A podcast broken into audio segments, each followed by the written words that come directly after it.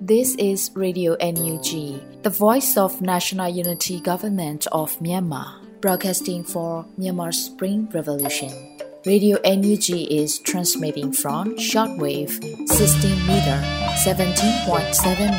MHz at 8:30 a.m. and 25 meter 11.94 MHz at 8:30 p.m. Myanmar Standard Time. မင်္ဂလာပါရှင်။ မြို့သားညီညွတ်ရေးအစိုးရရဲ့အတန်လွင့်ဌာန Radio NUG ကိုမနက်ပိုင်း၈နာရီခွဲမှာလိုင်းတူ16မီတာ19.89 MHz ၊ညပိုင်း၈နာရီခွဲမှာလိုင်းတူ25မီတာ17.6 MHz တို့မှာဓာတ်ရိုက်ဖမ်းယူနားဆင်နိုင်ပါတယ်ရှင်။မင်္ဂလာအပေါင်းနဲ့ပြည့်စုံကြပါစေ။အခုချိန်ကစပြီး Radio NUG အစီအစဉ်လေးကိုဓာတ်ရိုက်အတန်လွှင့်ပေးနေပါပြီရှင်။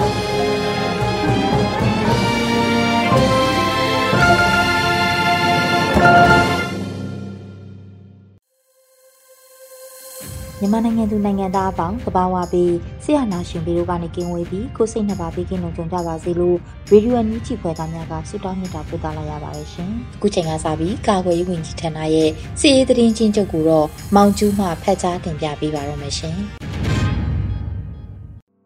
အမျိုးသားညီညွတ်ရေးအစိုးရကာကွယ်ရေးဝန်ကြီးဌာနကထုတ်ပြန်တဲ့နေ့စဉ်စီးရေးသတင်းချင်းချုပ်ကိုတင်ပြပါရမယ်ခင်ဗျာ။စီးမြောက်ရာစကောင်စီတပ်သားစကူတည်ဆုံပြီးတအူးတန်ရာရရှိပါတယ်။ စကောက်စီနဲ့တိုက်ပွဲဖြစ်ပွားမှုသတင်းများကိုပထမဦးစွာတင်ပြပါမယ်ခင်ဗျာ။မွန်ပြည်နယ်မှာ2022ခုနှစ်အောက်တိုဘာလ18ရက်နေ့ည10:00နာရီခန့်ကဘီလင်းမြို့နယ်တောင်းရကျေးရွာနီးဘီလင်းတိုးဂိတ်အဟောင်းမှာ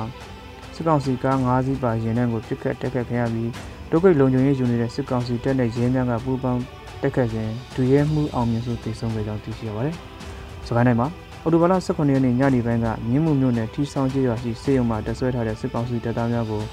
ဇီရိုပျောက်ကြားတစ်ဖက်က drone နဲ့ပုံခွဲတက်ခတ်ခဲ့ရာစစ်ကောင်စီတပ်သား2ဦးလဲကျသွားကြောင်းသိရှိရပါတယ်။အော်တိုဘာလ18ရက်နေ့နနက်ပိုင်းကမုံရွာမန္တလေးလမ်းမကြီးပေါ်မှာကင်းမုံဝတ်နေတဲ့စစ်ကောင်စီတပ်သားများကိုဇီရိုပျောက်ကြားတစ်ဖက်က drone နဲ့3ကြိမ်ပုံချတက်ခတ်ခဲ့ကြောင်းသိရှိရပါတယ်။အော်တိုဘာလ18ရက်နေ့မနက်9:00နာရီခန့်ကရေဦးမြို့နယ်အတွင်းရွာစဉ်လှည့်ပတ်သွားလာနေတဲ့အင်အား80ခန့်မှာစစ်ကောင်စီတပ်ဖွဲ့ကိုအင်းတိုင်နဲ့တရက်ပင်စုရွာကြားမှာ LGRF နဲ့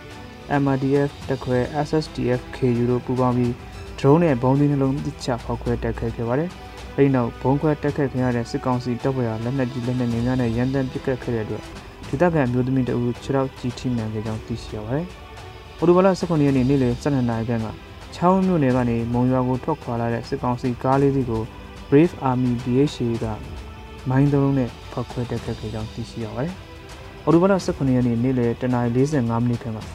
မြင်းမှုမြို့နယ်ထီဆောင်ကျေးရွာမှာ မုံရမြို့ကထွက်ခွာလာတဲ့စစ်ကောင်စီရင်6စီးကို0ပြောက်ကြားတစ်ဖက်ကဗီဒါမိုင်းနဲ့မိုင်းဆွဲတက်ခဲ့ကြရာစစ်ကောင်စီတပ်သား14ဦးသေဆုံးပြီး6စီးမြောက်က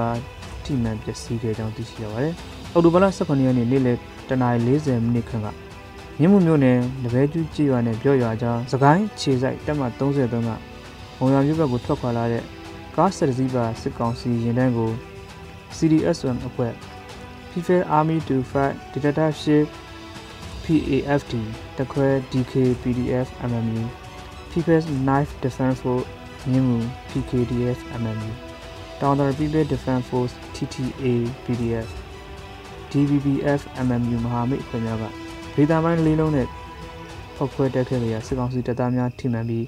ညောင်လန်းခွဲမှာကားများကိုရက်ကပြင်ဆင်ခြင်းစေကူခြင်းများပြုလုပ်ခဲ့ကြောင်းသိရှိရပါတယ်။ဘုဒ္ဓဘာလ18ရက်နေ့နေ့လယ်2နာရီ 40မိနစ်ခန့်ကမြင်းမှုမြို့နယ်ကံပြားစီရဲ့အကြမ်းမှာမိုင်းရှင်းလင်းရင်ချီချီတက်လာတဲ့စစ်ကောင်စီတပ်သားကိုကိုညောင်မြို့နယ်ပြည်သူ့ကာကွယ်ရေးနဲ့လုံခြုံရေးဖွဲ့ CDSOM Black Eagle Defense Force MMU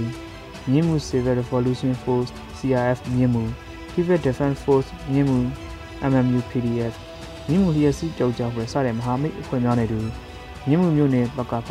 ပြည်သူ့ကာကွယ်ရေးတပ်မတော်စကိုင်းခရိုင်တရင်6တက်ခွဲနှစ်တို့ကပူးပေါင်းပြီးမိုင်းဖြင့်ဖောက်ခွဲတက်ခဲ့ကြရာ စစ်ကောင်စီတပ်သား3ဦးတည်ဆုံးခဲ့ပါတယ်။အော်တိုဘာလ18ရက်နေ့နေ့လယ်2:15မိနစ်ခန့်ကချောင်းမြို့နယ်ချောင်းမြို့ကအထွက်မုံရွာမြို့ဘက်ကစကိုင်းဘက်ကိုလာတဲ့စစ်ကောင်စီတံပြားကား၄စီးကို CSU PDF တပ်ခွဲသုံးကမိုင်းဆွဲတက်ခတ်ခဲ့ရာစစ်ကောင်စီတပ်သား၄ဦးကားပေါ်တွင်မှောက်ရလဲသွားခဲ့ပါတယ်။အဲဒီနောက်နိုင်ရကန်နီးကားများကျသွားပြီးကားတစ်စီးနောက်ပြန်လှည့်ပြီးလက်နက်ကြီးလက်နက်ငယ်များနဲ့ပစ်ခတ်ရာ CSU PDF တပ်ခွဲသုံးကမိုင်းဖြင့်ထပ်မံတက်ခတ်ခဲ့ရာ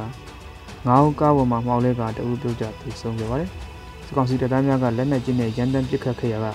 မရှန်ကြီးရွာပြည်သူတူရဲ့နေအိမ်ပေါ်ကိုကြောက်သွားခဲ့ပါတယ်။နေ့လယ်2:35မိနစ်ခန့်ကချောင်းမြို့အဝင်စစ်ကောင်စီတပ်မှ33ကထွက်လာတဲ့စစ်ကောင်စီကားကြီး10စီးပါရင်တန်းကို CSU PDF တပ်ခွဲသုံးကမိုင်းဆွဲတက်ခဲ့ပြီးညနေ4:30မိနစ်ခန့်ကချောင်းမြို့နယ်ကအထွက် CSU PDF တပ်ခွဲ4တပ်ခွဲ1နဲ့ CDF တို့ကမိုင်းဆွဲတက်ခဲ့ခဲ့ရာ ဗိုလ်တို့ပြင်းထန်ဒဏ်ရာရရှိခဲ့ပြီးလှုပ်ရှားမှုများကိုချောင်းမြို့နယ်ပကပမုံရခရိုင်တရင်6တပ်ခွဲ1တို့ဦးဆောင်ခဲ့ကြောင်းသိရှိရပါတယ်။ရန်ကုန်တိုင်းမှာအော်တိုဘာလ16ရက်နေ့နေ့လယ်တနာရီ25မိနစ်ခန့်ကရန်ကင်းမြို့နယ်ရဲစခန်းရဲကင်းကို Gotham Force J-Chef ကအဝေးထိန်ပုံနှလုံးနဲ့ဖောက်ခွဲတိုက်ခိုက်ခဲ့ကြောင်းသိရှိရပါတယ်။စစ်ကောင်စီကကျွလွန်တဲ့ရာဇဝတ်မှုများအကြောင်းကိုဆက်လက်တင်ပြပါမယ်ခင်ဗျာ။ရခိုင်ပြည်နယ်မှာ2022ခုနှစ်အောက်တိုဘာလ18ရက်နေ့နေ့လယ်7:00နာရီခန့်က ဘူးစီတောင်မြို့နယ်မှာတိုက်ပွဲဖြစ်ပွားခြင်းမရှိဘဲတက်မ22လောက်ခန့်ကြောက်တလုံးခြေဆိုင်ခမရ230တရင်ကလက်နက်ကြီးနဲ့ပစ်ခတ်မှုတော့ဒိုင်းနဲ့ပြင်ရွာသားအသက်45နှစ်အရွယ်ဦးအီနုပြင်းပြင်းထန်ထန်တရားရရှိသွားပြီးအသက်အန္တရာယ်စိုးရိမ်ရကြောင်းသိရှိရပါတယ်။ဗိုလ်ဗလာ18ရက်နေ့ည9:30မိနစ်ခန့်ကကြောက်တော်မြို့နယ်မှာစစ်ကောင်စီတပ်ကပြစ်လွတ်လိုက်တဲ့လက်နက်ကြီးကြောင့်အထက်ပိုက်တဲ့မွတ်စလင်ကြေးရွာကအသက်30နှစ်အရွယ်မက်ယာမီနာလက်နက်ကြီးထိမှန်တည်ဆုံခဲ့ကြောင်းသိရှိရပါတယ်။ အော်တိုဘလာ18ရက်နေ့ကမင်းပြားမြို့နယ်မင်းပြားမြို့ကျင်းတောင်မှာတပ်ဆွဲထားတဲ့စစ်ကောင်စီတပ်ရဲ့လက်နက်ကြီးနဲ့ရန်တမ်းပစ်ခတ်မှုကြောင့်တောင်ဆောင်ကြီးကြေးရွာကဆီယမမမြဆော့အသက်48နှစ်နဲ့ဖလောင်းမြင့်ကြေးရွာကအမတ်လှဆန်းရင်မတ်ဆန်းရွယ်ဆိုစနေတို့လက်နက်ကြီးထိမှန်တည်ဆုံခဲ့ကြောင်းသိရှိရပါတယ်။မန္တလေးတိုင်းမှာအော်တိုဘလာ18ရက်နေ့မနက်9:00နာရီခန့်ကအစုံမြို့နယ်ကုလကြီးကျေးရွာအဝင်လမ်းဘေးဇရက်အနီးလက်ပြန်ကျိုးတုပ်ခြေထောက်ကျိုးစီးလျက်မျိုးသား38နှစ်အရွယ်လူငယ်မျိုးသားတဦး မျိုးသမီးတဦးတို့ရဲ့ရုပ်လောင်းများကိုငစုံမြို့ဘက်ကစစ်ကောင်စီကားသုံးစီးနဲ့လာရောက်ဆွတ်ပစ်ခဲ့ပြီးလောင်းမြောက်လာရောက်ဆွတ်ပစ်ချိန်မှာတနက်တစ်ပေါက်ခဲ့ကြပါတယ်။အိုတိုဘလာ16ရက်နေ့မနက်9:00နာရီခန့်မှာစစ်ကောင်စီကားသုံးစီးနဲ့ငစုံမြို့ဘက်ကိုလောင်းများပြန်တည်ယူသွားခဲ့ပါတယ်။ရန်ကုန်တိုင်းမှာအော်တိုဘလာ16ရက်နေ့မနက်8:00နာရီခန့်ကလှိုင်မြို့နယ်အင်းစိန်လန်းနဲ့ဓမာယုံလမ်းတောင်မှာဂီတာအိတ်လွယ်လာတဲ့လူငယ်တအုပ်ကိုစစ်ကောင်စီဖွဲ့ဝင်များကဖမ်းဆီးခဲ့ပါတယ်။အော်တိုဘလ18ရက်နေ့ည9:30မိနစ်ခန့်က တိုင်တိုင်ရမြို့နယ်12ရပ်ကွက်ပေါ်ဆန်းမွင်းနှစ်လမ်းမှာနေအိမ်တစ်လုံးကိုစစ်ကောင်စီအဖွဲ့ဝင်များကကားသီး3စီးအင်စီကားတစ်စီးပါဝင်ရက်ကြီးအများပြားဖြင့်ဝင်ရောက်ဖမ်းဆီးရာမျိုးသားဖြစ်သူကိုမတွေ့တဲ့အတွက်ကြောင့်၎င်းရဲ့အမျိုးသမီးနဲ့ညီမဖြစ်သူကိုဖမ်းဆီးသွားကြောင်းသိရှိရပါတယ်။အော်တိုဘလ18ရက်နေ့ကတင်ငန်းချင်းမြို့နယ်တိတ်ပံလမ်းထိပ်မှာအိမ်မဲတစ်လုံးတွေ့တဲ့အတွက်စစ်ကောင်စီဖွဲ့ဝင်များကကားများတားဆီးစစ်ဆေးနေစဉ်စပိန်စီးလာတဲ့လူငယ်တို့ကိုစစ်ဆေးရရခိုင်ရာကလူငယ်မှကြောက်လန့်ရင်ထွက်ပြေးတဲ့အတွက်တနက်နဲ့ပြစ်ခတ်ဖမ်းဆီးခဲ့ကြောင်းသိရှိရပါတယ်။ အော်တိုဘလာ19ရက်နေ့ကလှဲကူးမြို့နယ်ဖောင်ကြီးဘက်ဥယျာဉ်ဝအပိုင်မြေစည်းအိမ်ကြီးရွာကဦးဝင်းမြင့်ဦးမြင့်သိန်းဦးမြင့်အောင်ဦးလှသိန်းဦးစိုးကြီးဦးချစ်ပိုဦးခမောင်ကြီးနဲ့ဂွေတော်အိမ်ကြီးရွာကဦးဝင်းတင်ဦးတန်ကျောင်းတို့ကိုစစ်ကောင်စီဖွဲ့ဝင်များကဖမ်းဆီးသွားခဲ့ကြောင်းသိရှိရပါတယ်။အခုတင်ပြခဲ့တဲ့နေ့စဉ်စီးရီးသတင်းချင်းချုပ်ကိုမြေပြင်သတင်းတာဝန်ခံများနဲ့သတင်းဌာနများကတင်ပြထားတဲ့အချက်များပေါ်အခြေခံပြုစုထားတာဖြစ်ပါတယ်ကျွန်တော်မောင်ကျူပါ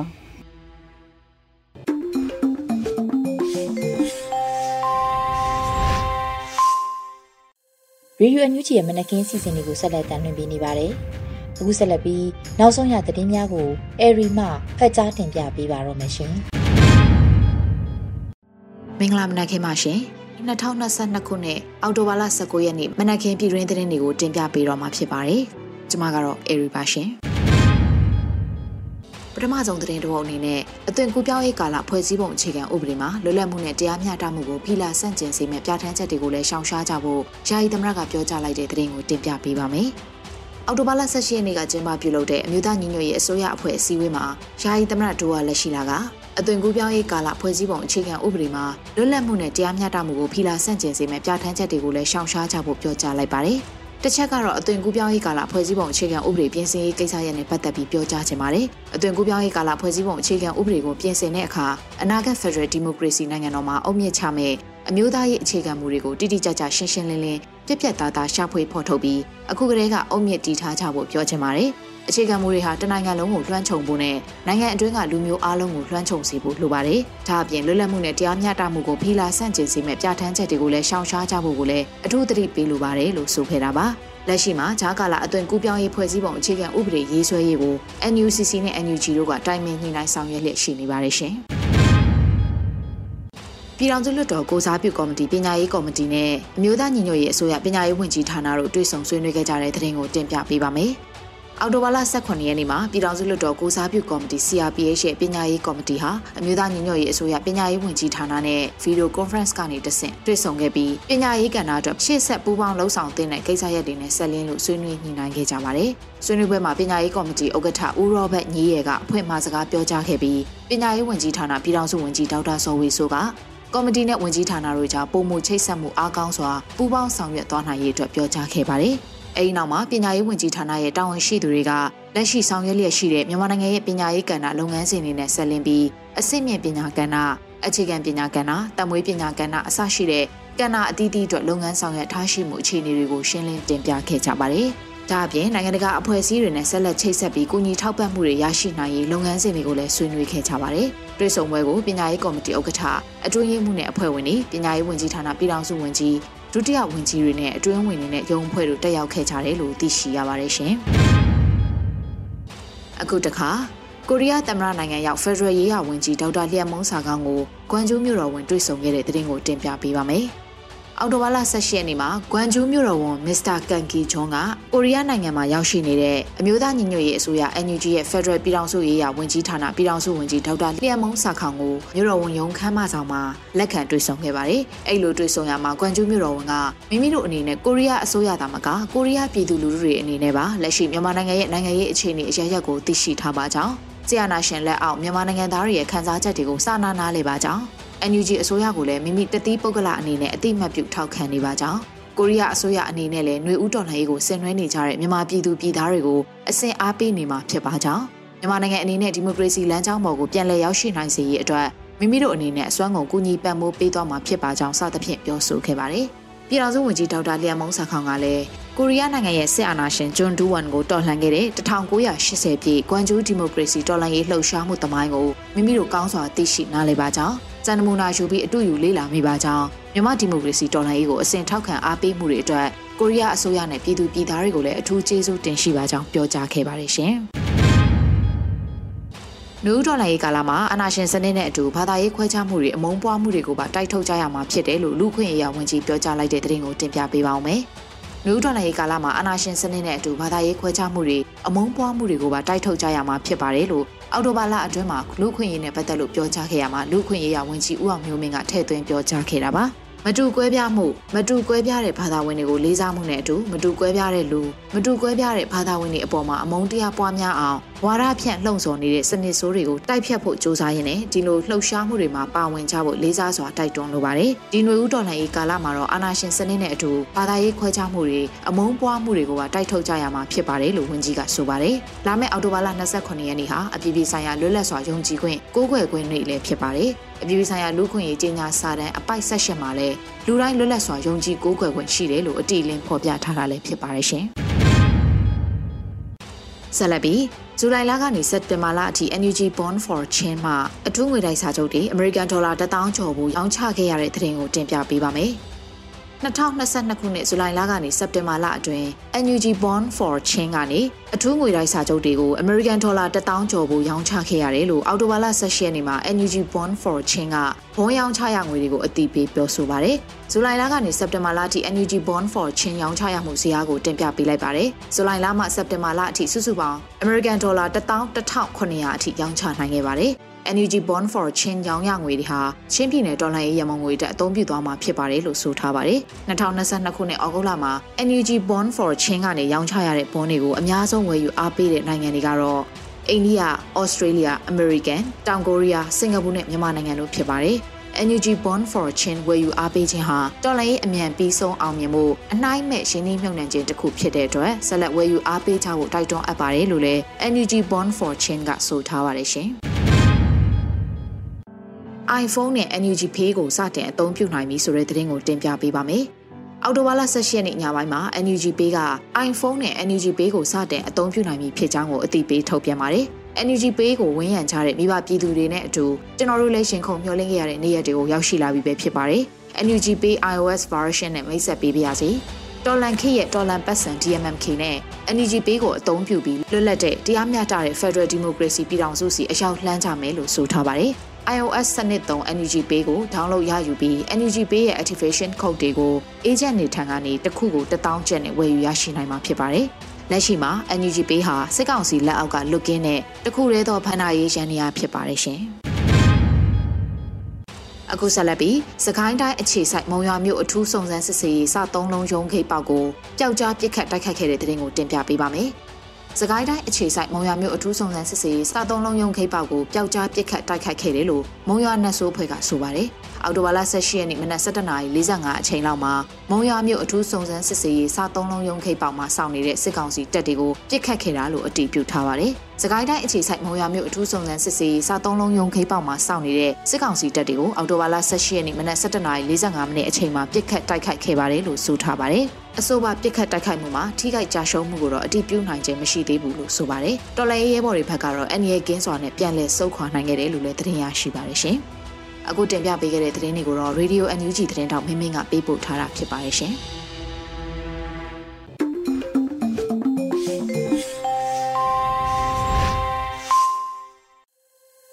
ရေဒီယိုညူချီပရိသတ်တွေအတွက်ကူးဆက်လက်ပြီးထုတ်လွှင့်ပေးမယ့်အစီအစဉ်ကတော့တော်လှန်ရေးကြပြအစီအစဉ်ဖြစ်ပါတယ်။ နှွေဦးဘိုရဲ့လောင်တိုင်းလို့အမည်ရတဲ့တော်လှန်ရေးကြပြကိုနားဆင်ကြရတော့မှာဖြစ်ပါတယ်ရှင်။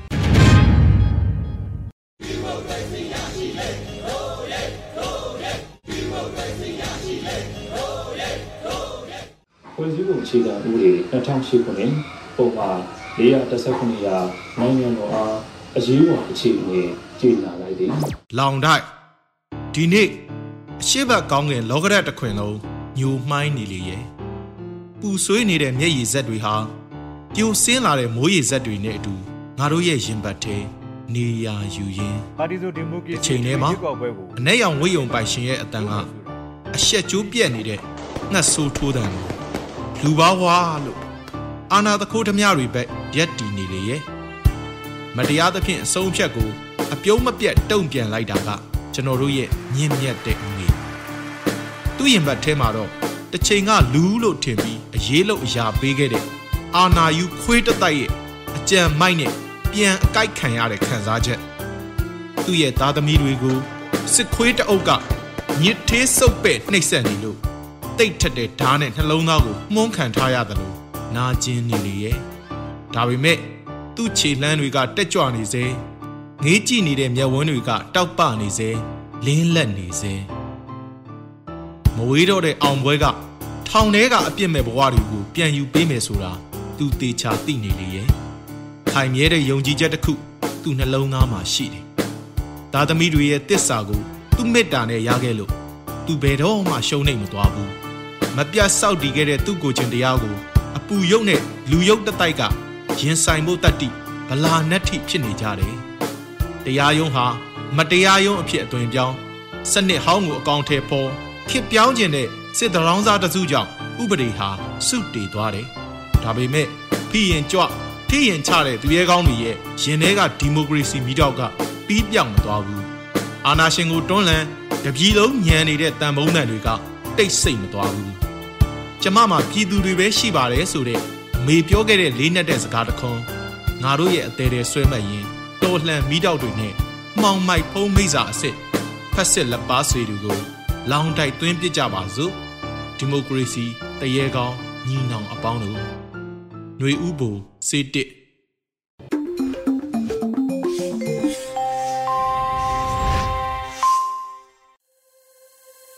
ရေဒီယိုအန်ယူဂျီမှာဆက်လက်တင်ပြနေပါတယ်။အခုဆက်လက်ပြီးပြည်သူခုခံစစ်တရေများကိုမျိုးဦးလိပ်ပြာမှဖတ်ကြားတင်ပြပေးပါရမရှင်။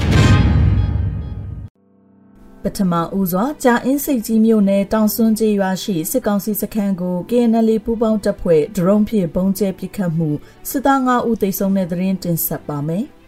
ကျင်းပြည်နယ်ကြာအင်းစိတ်ကြီးမြို့နယ်တောင်စွန်းကျေးရွာရှိအကြံဖက်စစ်ကောင်စီစခန်းကုန်းနှင့် BGF များပူးပေါင်းတပ်ဆွဲထားသည့်ဂိတ်စခန်းကိုအောက်တိုဘာလ10ရက်နေ့တွင်လက်နက်ကြီးဖြင့်ပစ်ခတ်ပြီးဒရုန်းဖြင့်ပုံကျဲရာစစ်သား9ဦးသေဆုံးကြောင်းသတင်းရရှိပါရသည်။ တန်ဖြူစရက်ဖျားသုံးစုကားလန်ပေါ်ရှိတောင်စွန်းကျေးရွာအနီးဖွင့်လှစ်ထားသောစစ်ကောင်စီ BGF ဂိတ်စခန်းကိုတိုက်ခိုက်ခဲ့ခြင်းဖြစ်ပြီးစစ်သား9ဦးသေဆုံးက4ဦးဒဏ်ရာပြင်းထန်ကြောင်းတပ်စခန်းအတွင်းရှိ60မမလက်နက်ကြီးတစ်ခုပျက်စီးသွားကြောင်း KNL ပူးပေါင်းတပ်အထူးစစ်စင်ရေးတပ်ဖွဲ့ SOF ကသတင်းထုတ်ပြန်ထားပါတယ်ရှင်။ ဂန်ကောတွင်စစ်တပ်ပြူစောထီးများနှင့် YDF ကြားတိုက်ပွဲဖြစ်ပွားပြီးစစ်ကောင်စီဘက်မှ၈ဦးသေဆုံးတဲ့တဲ့ဆက်လက်တင်ဆက်မှာပါ။ဂန်ကောမြို့နယ်မြောက်ပိုင်းသို့စစ်ကြောင်းထိုးလာသောအကြမ်းဖက်စစ်ကောင်စီတပ်ခလာရ90ပြူစောထီးပူပေါင်းအဖွဲ့နှင့် YDF တရင်1နှင့်3တို့ကြားအောက်တိုဘာလ18ရက်ယမန်နေ့တွင်တိုက်ပွဲဖြစ်ပွားပြီးစစ်ကောင်စီဘက်မှ8ဦးသေဆုံးကြောင်းသိရရှိပါသည်။ အင်အား150ခန့်ပါသောစစ်ကောင်စီတပ်ဖွဲ့နှင့်ရောဒေတာကာကွယ်ရေးတပ်ဖွဲ့ YDF တရင်များကြားနှစ်ကြိမ်တိုက်ပွဲဖြစ်ပွားခဲ့ပြီးစစ်ကောင်စီဘက်မှ10ဦးသေဆုံးကအများအပြားဒဏ်ရာရခဲ့ပြီး YDF ဘက်မှရဲဘော်2ဦးဒဏ်ရာရကြောင်း YDF ကသတင်းထုတ်ပြန်ထားပါတယ်။နောက်ဆုံးအနေနဲ့စကိုင်းမုံရွာကားလန်တွင်စစ်ရင်တမ်းများအချင်းချင်းမိုင်းခွဲခံရပြီးစစ်သား9ဦးထပ်မံထိခိုက်ဒေဆုံးနိုင်တဲ့သတင်းတင်ဆက်ပါမယ်။ စကိုင်းတိုင်းစကိုင်းမုံရွာကားလန်တွင်မုံရွာဘက်သို့တွားနေသောစစ်ကောင်စီရင်နှန်းများကိုဒေသကာကွယ်ရေးတပ်ဖွဲ့များကအောက်တိုဘာလ18ရက်ယမန်နေ့တွင်အကြိမ်ကြိမ်မိုင်းခွဲတိုက်ခိုက်ရာစစ်သား9ဦးထပ်မံထိခိုက်ဒေဆုံးနိုင်ကြောင်းသတင်းရရှိပါသည်။6ဦးမှမုံရွာဘက်သို့ထွက်ခွာလာသောစစ်ကောင်စီကားလေးစီးကိုယမန်နေ့နေ့လယ်12နာရီခွဲတွင်ဒေသကာကွယ်ရေးတပ်ဖွဲ့တစ်ခုဖြစ်သည့် Brave Heart Army BHA က မိုင်းသုံးလုံးဖြင့်ဖောင်းခွဲတိုက်ခိုက်ရာစစ်သား2ဦးထပ်မံထိခိုက်ဒေဆုံးနိုင်ကြောင်းသိရှိရပါတယ်ရှင်။ရင်းအပြင်မြေမှုမြို့နယ်ဝမ်းပြေးနှင့်အလကပကျေးရွာကြားတွင်ယမန်နေ့မွန်းလွဲ2နာရီ12မိနစ်၌စကိုင်းအခြေဆိုင်တက်မ33မှမုံရွာဘက်သို့ထွက်ခွာလာသောစက်တစည်းပါစစ်ရင်တန်းကိုမဟာမိတ်အဖွဲ့များကပဒေသာမိုင်းလေးလုံးဖြင့်ဖောက်ခွဲတိုက်ခိုက်ရာစစ်ကားများထိမှန်ပြီး ညောင်လန်းခွဲတွင်ကားများရက်ခပြင်ဆင်ခြင်းစိတ်ကုသခြင်းများပြုလုပ်နေကြောင်း PAFD ကသတင်းထုတ်ပြန်ပါတယ်။အဆိုပါစစ်ရင်နှန်းကိုချောင်းဦးမုံရွာလမ်းပိုင်းတွင်ယမန်နေ့ညနေ9:00နာရီခွဲ၌ BHA အဖွဲ့ကမိုင်း6လုံးဖြင့်နှစ်ကြိမ်ဖောက်ခွဲတိုက်ခိုက်ရာစစ်သား3ဦးထပ်မံထိခိုက်ဒေဆုံးနိုင်သည်ဟု BHA အဖွဲ့ကထုတ်ပြန်ထားပါတယ်ရှင်။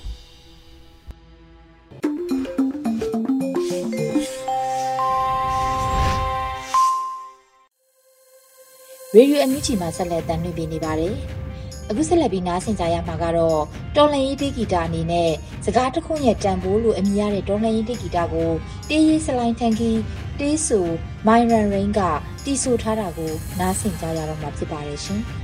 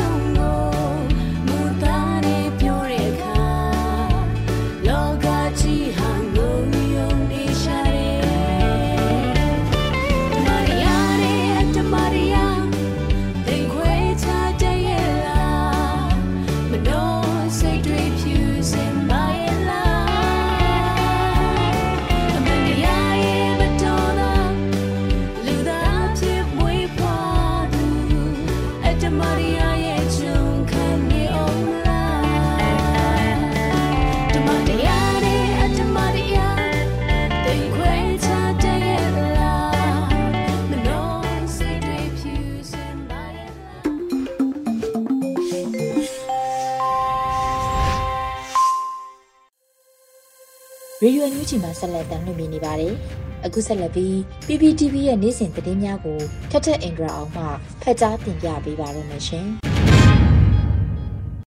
အခုချိန်ကစပြီး PPTV သတင်းတွေကိုတင်ဆက်ပေးတော့မှာပါ။ကျွန်မထက်ထက်အင်ဒရာအောင်ပါ။ ပထမဆုံးတင်ဆက်ပေးမှာကတော့မြန်မာနိုင်ငံအရေးကုလနဲ့နိုင်ငံတကာအတိုင်ဝန်းတို့ရဲ့ထုတ်ပြန်ချက်တွေဟာလုံလောက်မှုမရှိဘဲလက်တွေ့ကြပြီးထိရောက်တဲ့လှုပ်ဆောင်ချက်တွေလိုအပ်နေတယ်လို့တာမကြီးဦးကျော်မှုထုံးပြောကြားလိုက်တဲ့သတင်းမှာမြန်မာနိုင်ငံရဲ့ပျက်စီးရွရွလျက်ရှိတဲ့အခြေအနေအတွက်နိုင်ငံတကာအတိုင်ဝန်းနဲ့ကုလတို့ရဲ့ထုတ်ပြန်ချက်တွေထုတ်ပြန်ပေးုံညနဲ့လုံလောက်မှုမရှိဘဲထိရောက်ပြီးလက်တွေ့ကြတဲ့လှုပ်ဆောင်ချက်တွေလိုအပ်နေတယ်လို့ကုလဆိုင်ရာမြန်မာအမြဲတမ်းကိုယ်စားလှယ်တာမကြီးဦးကျော်မှုထုံးကပြောကြားလိုက်ပါတယ်။ နိုင်ငံတကာအတိုင်အဝန်နဲ့ကုလာတို့ကထုတ်ပြန်ချက်တွေထုတ်ပေးတဲ့အပေါ်ကျေးဇူးတင်ရှိပေမဲ့ပျက်စီးရွရွနေတဲ့အခြေအနေတွေအတွက်ထုတ်ပြန်ချက်တွေထုတ်ပြန်ပေးုံနဲ့လုံလောက်မှုမရှိတော့ဘဲထိရောက်မှုရှိတဲ့လက်တွေ့လှုပ်ဆောင်ချက်တွေကသာမြေပြင်မှာဖြစ်ပေါ်နေတဲ့အခြေအနေကိုအကာအကွယ်ပေးနိုင်မှာဖြစ်တယ်လို့တာမတ်ကြီးကတိုက်တွန်းပြောကြားခဲ့တာပါဆီယနာသိမ်းမှုနဲ့စစ်တပ်ရဲ့လူမဆန်တဲ့လုပ်ရက်တွေကြောင့်နောက်ဆက်တွဲအကျိုးဆက်အနေနဲ့ပြည်တွင်းနေရအနှံ့ပြမှာပြည်တွင်းနေရဆွန့်ခွာသူအများအပြားဖြစ်ပေါ်လာစေတယ်။ ကုလကထုတ်ပြန်ထားတဲ့ကိန်းဂဏန်းတွေအရရိုဟင်ဂျာ3သိန်းကျော်အပါအဝင်ပြည်တွင်းကနေနေရဆွန့်ခွာသူ1.3တန်းကျော်ရှိတယ်။လွန်ခဲ့တဲ့လပေါင်း20အတွင်းမှာပဲပြည်တွင်းနေရဆွန့်ခွာသူ9,8500ကျော်ရှိပြီးတော့အဲ့ဒီစီမှာအမျိုးသမီးတွေနဲ့ကလေးငယ်များစွာလဲပါဝင်တယ်ဆိုတာနဲ့သူတို့ကိုပြည်တွင်းနေရဆွန့်ခွာသူတွေဖြစ်စေရန်အတွက်ရည်ရွယ်ချက်ရှိရှိပြစ်မှတ်ထားနေတယ်လို့တန်အမတ်ကြီးကပြောကြားခဲ့ပါတယ်။ ဆလတ်တင်ဆက်ပေးမှာကတော့အကြမ်းဖက်စစ်ကောင်စီရဲ့ရွေးကောက်ပွဲဖြစ်လာနိုင်စရာမရှိသလိုပြည်သူတွေကလည်းစက်ကျင်မှာဖြစ်ပြီးနိုင်ငံရေးအရာထွက်ပေါက်လုံးဝမရှိလို့ KNU ပြောကြားလိုက်တဲ့သတင်းကိုတင်ဆက်ပေးပါမယ်။အကြမ်းဖက်စစ်ကောင်စီအနေနဲ့နိုင်ငံရေးထွက်ပေါက်အတွက်လာမယ့်2023မှာရွေးကောက်ပွဲကျင်းပဖို့ကြိုးစားနေပေမဲ့အခုလိုအခြေအနေမှာရွေးကောက်ပွဲဖြစ်လာနိုင်စရာမရှိသလိုပြည်သူတွေကလည်းစန့်ကျင်မယ်လို့ယုံကြည်ကြောင်းကရင်မျိုးသားစီယုံ KNU ရဲ့ပြောရေးဆိုခွင့်ရှိသူဘရိုစော်တော်နီကပြောကြားလိုက်ပါတယ်။ အကြမ်းဖက်စစ်ကောင်စီအနေနဲ့အာဏာသိမ်းလိုက်ပြီးကြတဲ့က2008ဖွဲ့စည်းပုံအခြေခံဥပဒေပြတ်သွားပြီးဖြစ်တယ်လို့စစ်ကောင်စီအနေနဲ့လည်းတရားမဝင်ကြောင်းနိုင်ငံတကာကလည်းအတိအမှန်မပြုကြောင်းအကြမ်းဖက်စစ်ကောင်စီမှာဘာလုပ်ပိုင်ခွင့်မှမရှိကြောင်းဘရိုစော်တော်နီကပြောကြားတာပါဒီအချိန်မှာဒါကဖြစ်လာနိုင်စရာအကြောင်းမရှိပါဘူးဒါကသူ့ထွက်ပေါက်ပါသူကတယောက်ရရနှစ်ယောက်ရရဆွဲပြီးလှုပ်သွားမယ်အပိုင်းရှိတယ်ဒါပေမဲ့သူရလာမယ့်ရလကတိတ်အခြေအနေမမှန်ဘူးဆိုတာရှင်းနေတာပါ